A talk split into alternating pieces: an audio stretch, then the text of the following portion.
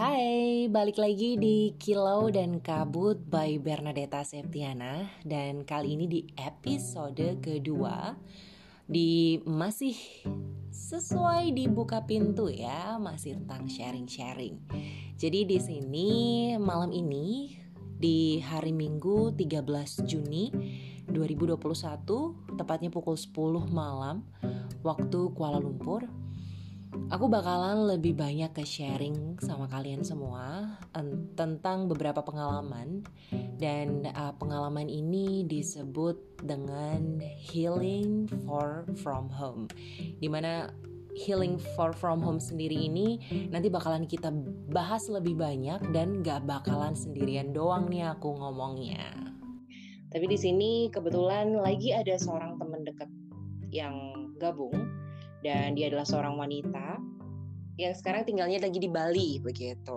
Dan sebenarnya kalau dibilang teman dekat itu uh, untuk ketemu secara langsung aja kita bisa dihitung dengan hitungan jari. Tapi nggak tahu kenapa juga waktu kesempatan kita jadi deket itu setelah dia ada di Istanbul dan aku ada di Kuala Lumpur. Mau dengar suaranya? Coba ya kita panggil dia. Alvinta. Hai hai. Oke, ini namanya Alvinta. Jadi dia di sini bakalan sharing sama kita barengan. Karena sebenarnya uh, aku dan Alvinta sempat ada obrolan ya kemarin malam uh, sekitar 8 jam delapan setengah jam ya Alvinta ya waktu itu benar-benar ya. Iya benar sekali.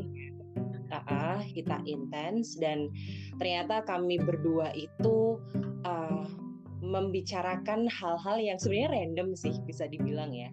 Tapi hal-hal sensitif yang paling bekas di aku sendiri terutama dan sampai ada sempat getaran di mana I feel like seandainya aku ada di sana, I will give you all my hugs for you as much as you want. Yang yang sampai kayak gitu rasanya. Jadi Uh, sebenarnya sedikit banyak kita kemarin malam itu ngobrolin tentang healing, ya nggak sih? Yap, that's true. Oke, okay.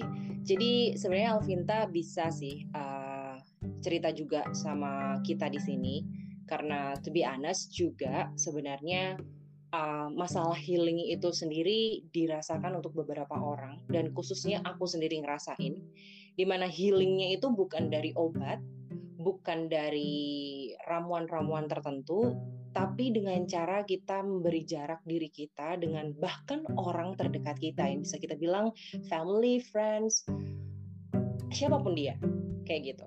Dan oke, okay, jadi langsung aja uh, apa sih sebenarnya yang membuat Alvinta itu memutuskan untuk meninggalkan negara tercinta Indonesia?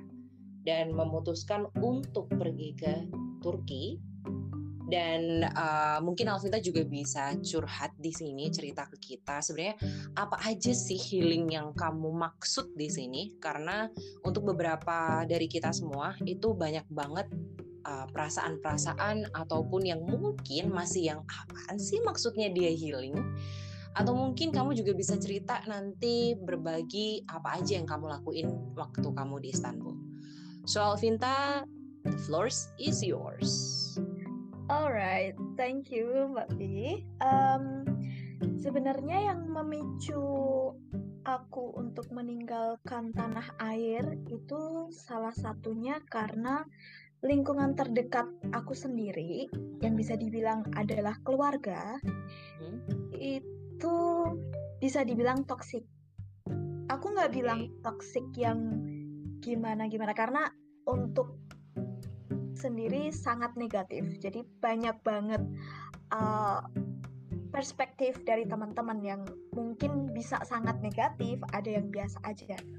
Dan kebetulan aku bukan datang dari uh, keluarga yang bisa dibilang perfect. Jadi orang tua aku masih sangat minim um, pengetahuan tentang parenting yang berimbas ke anaknya, yaitu aku saat itu. Oke. Okay. Dan uh, karena di saat itu uh, aku udah selesai dengan uh, studi aku dan aku memutuskan untuk pindah. aku nggak bisa stay seperti ini terus karena uh, aku ada pikiran kalau aku ingin sembuh aku nggak bisa stay di satu tempat yang sama di mana yang membuat aku berdarah-darah. Ibaratnya seperti itu. Jadi ketika kamu uh, semisalkan ibaratnya kayak kamu jatuh terjerembab terus kaki kamu tertusuk paku kamu pengen sembuh tapi kamu nggak nggak pergi dari tempat itu dan uh, mengobati luka kamu. Itu akan sama seperti itu jadilah uh, di saat itu aku mencari informasi sebanyak mungkin apa yang bisa aku lakukan di luar negeri uh, dan suatu ketika aku menemukan info itu akhirnya ada kesempatan untuk aku di mana aku mendapatkan um, tempat untuk uh, pindah aku langsung ambil itu. Karena itu semacam kayak uh, take it or leave it gitulah terus um, balik lagi ke healing itu apa yang dimaksud dengan healing di sini yang aku maksud adalah uh, healing untuk mental aku pertama dan emosi aku seperti itu. Oke, okay, jadi jelas banget. So maksudnya di sini sebenarnya uh, karena mungkin ada rasa-rasa yang terutama kamu rasain selama uh, dekat dengan uh, keluarga Di mana sebenarnya untuk stereotip beberapa orang masa sih keluarga bisa malah bikin kita kesakitan ya nggak sih? Masih banyak ya. yang berpikir seperti itu. Bener banget bener. Bahkan iya kan, jadinya kayak untuk hal-hal seperti itu beberapa orang akan berpikiran berarti kamu memilih untuk meninggalkan keluargamu dan kamu juga memilih untuk menghindari mereka dong. Kalau menurut kamu untuk orang-orang atau untuk pemikiran seperti ini, mungkin Alvinta uh, gimana cara menyikapinya dan apa yang bisa kamu jelaskan ke orang-orang tentang healing itu sendiri? Um, untuk aku, gimana ya? Ini sangat sensitif sih, sangat-sangat sensitif karena uh, di Indonesia sendiri terlalu banyak obrolan tentang ini dan ter belum tentang terlalu banyak orang yang uh, mengangkat isu ini. Ya mungkin sekarang udah mulai banyak ya karena kemajuan teknologi dan uh, people juga udah orang-orang udah mulai aware dengan ini. Tapi khususnya untuk uh, orang tua kita atau sanak saudara seperti tante, om, nenek, kakek itu akan sedikit sulit untuk menjelaskan semacam ini. Benar. Um, untuk aku meninggalkan keluarga itu bukan berarti kita nggak sayang dengan keluarga. Mm-hmm. Benar banget. Jadi cara kita menyampaikan affection, kasih sayang, kepedulian kita dengan keluarga itu nggak selalu de- dengan berada di sisi mereka. Ketika kita jauh pun kita juga bisa memberikan uh, kasih sayang itu dan kepedulian itu dengan cara yang simpel seperti menanyakan kabar mereka semacam itu. Aku kurang tahu sih kalau perspektif Bernadetta sendiri seperti apa. Tapi kalau menurut aku meninggal bukan sama sekali uh, dalam artian kita membenci keluarga atau tidak menyayangi keluarga seperti itu. Mhm. Iya benar banget. Karena memang sebenarnya uh, kita satu pemikiran di sini untuk uh, maksud dari kita pergi itu bukannya sebenarnya menghindari mereka atau menghindari masalah-masalah ataupun mungkin seperti bisa dibilang nggak sayang lagi bukan kayak gitu ya. Tapi lebih ke gimana kita sebenarnya uh, menjadi diri kita yang lebih baik di mana kita tahu juga uh, alasan ataupun uh, anchor ataupun roots dari semua apa yang kita rasain kesakitan-kesakitan apalagi analogi yang kas yang Alvinta kasih tadi ya seperti uh, ketusuk paku itu tadi bagus banget analoginya di mana bener banget kalau misalnya kita tetap ada di tempat yang sama kita nggak akan juga bertumbuh ya nggak sih? Dan sebenarnya uh, healing itu sendiri paling mudah uh, sebenarnya bisa dibilang kayak kalau misalnya kita lagi merantau, di mana kita benar-benar hidup dengan tata cara hidup kita sendiri, kita berusaha sendiri, bahkan kita juga bertahan hidup sendiri, gak bisa minta sana sini lagi. Jadi dengan cara kita menyayangi diri kita sendiri atau menghargai diri kita sendiri, kita tuh sebenarnya juga ngehealing diri kita sendiri. Dan dari situ juga sebenarnya aku yakin Alvinta juga sepemikiran karena memang uh, seperti apa yang kita sempat obrolin bahwa orang-orang terdekat itu sebenarnya memang bukannya tidak sayang juga sama kita, tapi memang cara mereka mungkin uh, tidak pas buat kita, yang kayak gitu.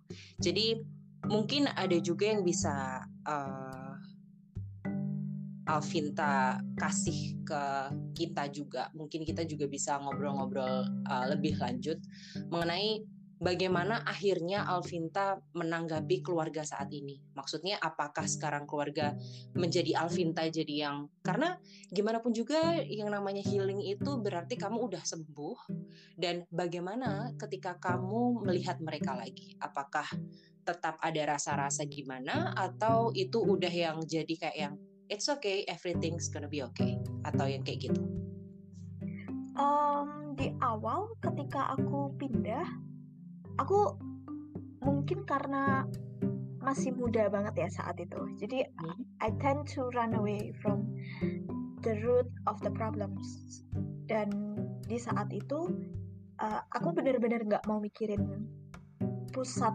masalahnya.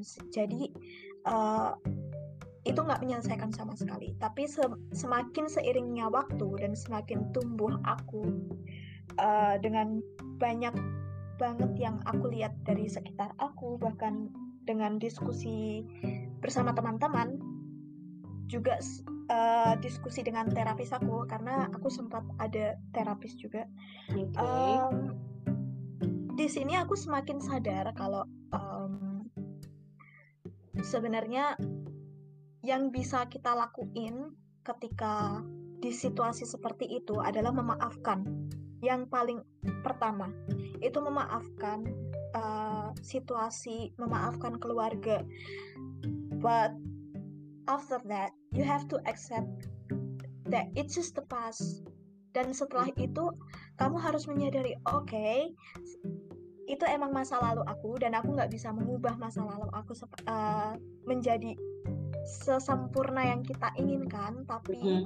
dari situ kita jadi belajar apa yang pernah kita alami kita mencoba untuk nggak mengulangi lagi mm -hmm. makanya pandangan aku terhadap orang orang yang pernah menyakiti aku tanpa mereka sadari uh, sekarang sudah berubah total Okay. Jadi uh, aku nggak yang nggak yang menyalahkan mereka karena mungkin mereka nggak sadar kalau itu tuh sebenarnya menyakiti. Karena banyak banget uh, contoh untuk di kasus kita saat ini keluarga. Tapi kalau mungkin nanti di kasus yang lain akan berbeda lagi ya. Uh, untuk keluarga kadang ada di satu sisi ketika keluarga ingin menunjukkan kasih sayang mereka, mereka justru memberikan uh, kekerasan atau sesuatu yang menyakitkan terhadap orang lain. Nah, itu yang harus kita ubah cara mindset kita memandang itu karena kalau kita memandang itu negatif terus, itu nggak akan mengubah mindset kita ke depannya dan kita nggak akan menjadi lebih baik. Benar. Seperti itu sih. Oke, setuju banget. Jadi sebenarnya ada uh, tiga poin ya tadi Alvinta. Yang pertama uh, bener banget aku setuju karena apa pun juga yang terutama aku sekarang karena masih di Kuala Lumpur dan sebenarnya seperti apa obrolan kita semalam ya Alvinta selama 8,5 jam itu uh, ada beberapa sebenarnya juga cerita yang hampir sama yaitu luka masa lalu uh, juga karena keluarga di mana tidak bisa menjadi diri aku sendiri yang sepenuhnya seperti itu dan ternyata membuat mental yang bisa dibilang kurang kuat sih sebenarnya. Tapi pada akhirnya aku pun ke sini ke Kuala Lumpur dan pada akhirnya aku juga mendapatkan tiga poin yang Alvinta juga sebutkan. Yang pertama tadi memaafkan. Memaafkan situasi dan memaafkan keluarga. Yang kedua adalah accepting atau menerima apa yang memang udah terjadi di hidup kita walaupun itu sudah di masa lalu means artinya itu bisa jadi pelajaran buat kita ke depannya supaya jangan sampai kita itu melanjutkan rantai uh, yang negatif itu. Justru kita harus break the chain kayak gitu. Dan yang ketiga, Alvinta juga nyebutin um, mengenai cara pandang kita terhadap hal negatif itu. Apakah mau tetap dilanjutkan uh, atau tetap memang melihat itu hal-hal yang tetap negatif atau kita harus yang benar-benar kayak yang oke okay, I finally found the value kayak gitu. Jadi uh, setuju banget sama Alvinta apa yang kamu sebutin tiga hal yang kamu sebutin tadi. Dan sebenarnya yang terakhir pertanyaan yang paling ultimatum saat ini. Oke, okay, bentar, uh, Bernadetta. Uh, aku mau nambahin ya, sorry. Karena aku nggak mau pendengar kita, teman-teman yang lain akan mikir yang seperti ah kalian ngomong doang gitu. Tapi jujur enggak kita enggak cuma ngomong doang karena kita mengalami. Kita benar-benar mengalami. I know that you gonna think that it's easier to be said than to be done. Uh, aku pun sendiri baru mengalami benar-benar yang awakening, uh, awakening buat diri aku sendiri. Itu belum lama jujur. Karena aku bener-bener banyak mikir beberapa waktu yang lalu aku juga sempat cerita ke Bernadetta um, kalau ternyata kita emang harus retrace apa yang terjadi di masa lalu kita harus menerima itu jadi kita benar-benar uh, harus kembali di awal Bahkan ketika kita masih kecil pun kita harus cari tahu apa yang membuat kita sangat-sangat kesakitan di saat ini. Apa pun itu. Karena kadang hal kecil yang terjadi di masa di masa kita katakanlah masa balita ya, itu kadang mempengaruhi ketika kalian dewasa. E, contohnya ketika aku kecil, aku sering banget dapat judgement yang negatif bahkan keluarga terdekat aku sendiri nggak pernah memberikan aku komplimen dan di situ membentuk karakter aku di mana aku itu menjadi uh, orang yang harus semuanya bisa agar aku mendapat validasi dari orang-orang sekitar aku. Oke. Okay. Jadi untuk healing itu prosesnya nggak singkat sih kalau aku bilang dan hmm. yang tersulit menurut aku retrace ke belakang dan accepting sih. Benar.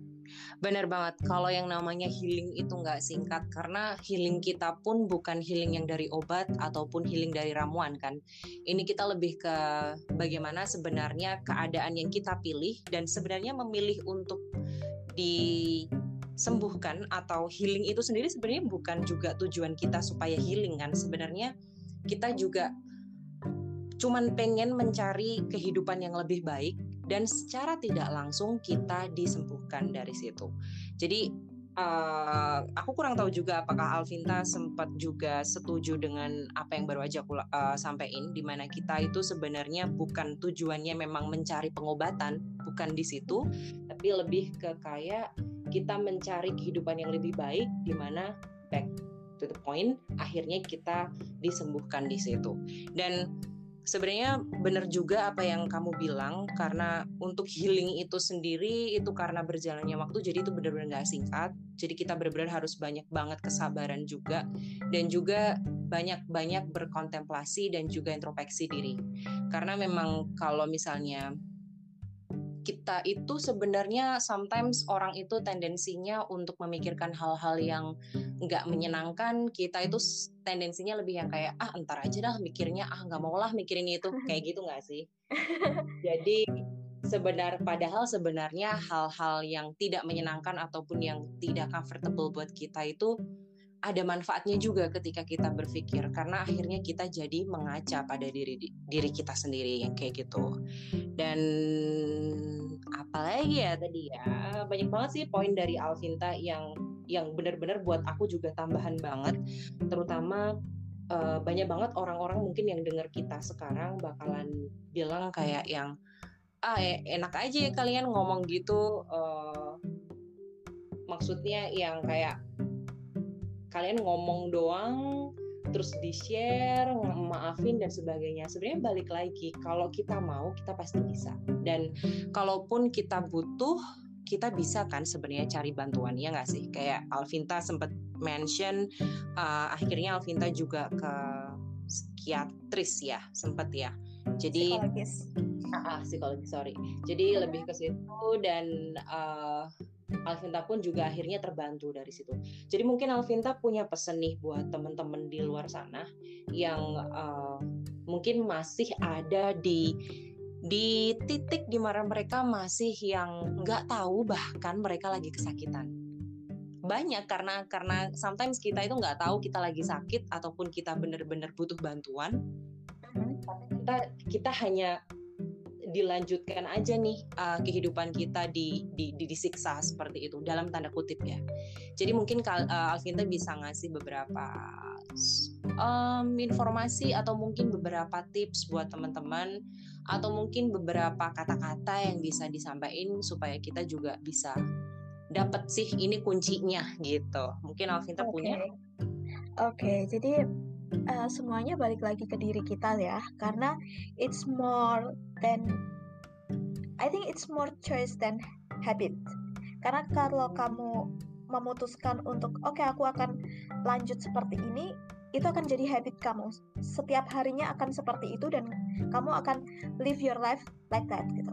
Dan tanpa kamu sadari kamu akan menyakiti diri kamu terus menerus dan kalau semisalkan kamu nggak mau sakit lagi, kamu bisa share dengan teman terdekat yang kamu percaya. Tapi kalau semisalkan kamu takut akan respon dari orang terdekat kamu itu uh, kurang positif, kamu bisa minta bantuan. Nggak ada salahnya dengan minta bantuan dengan psikolog. Karena mereka akan lebih tahu apa uh, respon apa yang harus diberikan, nasihat apa yang harus diberikan, arahan seperti apa yang akan diberikan, itu lebih bermanfaat dibandingkan kamu menahan semua itu dalam diri kalian sendiri. I've been there, I've done that. Um, dalam waktu 24 tahun, aku memendam semuanya sendiri sampai akhirnya aku meledak dan nggak kuat lagi uh, di saat itu aku akhirnya memutuskan untuk uh, ketemu dengan psikolog dan okay. itu sangat membantu sekali. Jadi buat teman-teman uh, mencari bantuan itu bukan berarti kalian lemah, bukan, tapi itu berarti kalian sayang dengan diri kalian sendiri. Makanya kalian mencari bantuan karena kalian itu bukan atlas yang memikul bumi seorang diri loh ya keren it's banget. Normal. it's it's really normal to ask for a help from others, really. Jadi pesan aku itu sih, kalau misalkan teman dekat eh, nggak uh, ada atau kalian kurang yakin, bisa ke psikolog seperti itu. Oke, itu aja Alvinta atau ada lagi? Um, kalau dari aku yang tersimpel itu sih. Tapi okay. kalau Bernadetta ingin menambahkan, silahkan. Okay. Karena setiap orang punya tips dan trik masing-masing ya. Bener banget sih. Tapi sebenarnya uh, untuk sampai sekarang uh, obrolan kita saat ini, sebenarnya kita tuh hanya uh, karena kita sempat ngobrol yang kemarin malam, jadi kita akhirnya keluarin nih topik tentang healing far from home, di mana uh, kita sempat banyak banget udah ngobrol di sana dan dan kita udah share banyak banget sedikit banyak aku juga udah ngerti apa yang Arvinta uh, sampaikan di sini. Tapi satu hal yang aku bener-bener amazed dan juga aku bener-bener setuju itu adalah tentang tadi kamu yang bilang more choice than the habit itself. Kayak kalau kamu memang memilih untuk sembuh atau kamu memang memilih untuk menjadi pribadi yang lebih baik, ya choose it gitu daripada kita melanjutkan habit-habit yang sebenarnya juga itu menjadi salah satu pemicu kita makin sakit kayak mungkin makanan kita yang nggak sehat jadi kita jadi sering lunglai lemas tak berdaya mungkin kita jadi juga nggak suka olahraga habit-habit yang kurang sehat dan juga habit-habit yang membuat kita kayak atau mungkin beberapa orang yang punya habit kayak takut untuk menyuarakan suara dia seperti itu. Dan uh, aku juga uh, senang banget sama kata-kata um, kamu tadi yang kalau kamu benar-benar nggak mau sakit ya share, share ke teman-teman, mungkin ke teman ya bukan ke teman-teman, ke teman apalagi yang dipercaya dan yang setidaknya bisa mengerti atau bisa uh, setidaknya juga memberikan impact yang lebih baik atau mungkin at least temen yang bisa dengerin ya nggak? Terus ya. tadi juga ada cari bantuan dari profesional itu bener banget karena memang sometimes mungkin teman-teman kita hanya sekedar mendengarkan tapi uh, mereka juga mungkin takut untuk memberikan informasi ke kita ataupun memberikan saran yang mungkin takutnya nanti malah salah gitu kan ya? Jadi memang lebih baik kita ketemu sama orang yang profesional di mana kita nanti bakalan juga dapat treatment-treatment yang dibutuhkan seperti itu. Dan yang ti, tadi yang terakhir yang aku seneng banget adalah um, tentang atlas. kita bukan atlas di bumi sendiri ya. That's amazing. Jadi aku seneng banget ngobrol sama Alvinta karena dia ngasih analogi seperti yang kita ketanjep paku yang pertama juga masalah atlas. Jadi um, teman-teman juga bisa semoga dapetin uh, value dari apa yang kita omongin sekarang. Uh, sebenarnya ini adalah sebenarnya ini masih surface ya Alvinta kalau kita bilang untuk obrolan-obrolan tentang masalah healing itu masih iya. surface yeah. banget obrolan kita saat ini tapi yang jelas ini bisa jadi pengantar buat kalian kalau misalnya kalian pengen pada akhirnya ngerasa kayak eh kalian kok pas denger ini ngerasa kayak kok aku ngerasa kayak gini ya kok aku banget Iya kan, kok aku ngerasa kayak gini ya ternyata ya setelah dengar podcast ini.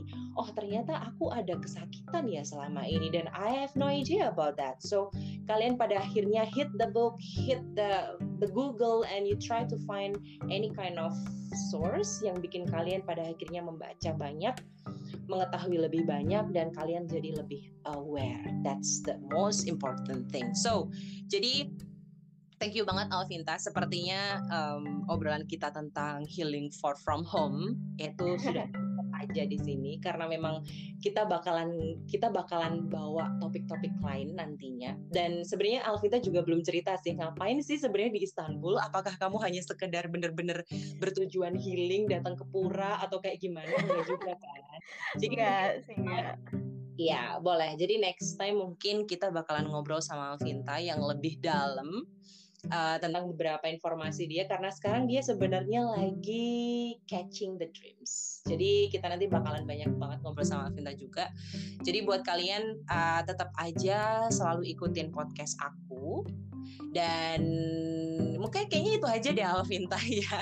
kita bakalan say say bye bye sama yang dengerin. Jadi mungkin Alvinta mau bye bye duluan? Uh, nah, mungkin kita bareng-bareng aja sih. Bareng-bareng ya. ya. Oke, okay. so thank you banget buat pendengar. Uh, jangan lupa untuk dengerin selanjutnya podcast-podcast yang berikutnya dan kita bakalan aku terutama bakalan ngangkat beberapa topik dan juga kita bakalan share beberapa pemikiran dan mungkin next time aku bakalan bacain beberapa tulisan yang sempat aku tulis yang pada akhirnya juga jadi bentuknya puisi ya. Seperti di awal podcast ini sebenarnya tujuan dibuat begitu. Oke, okay, so thank you banget semuanya. Semoga apa yang kita share ada value-nya. So, yeah. selamat malam. Bye bye. semuanya. Bye. Thank you.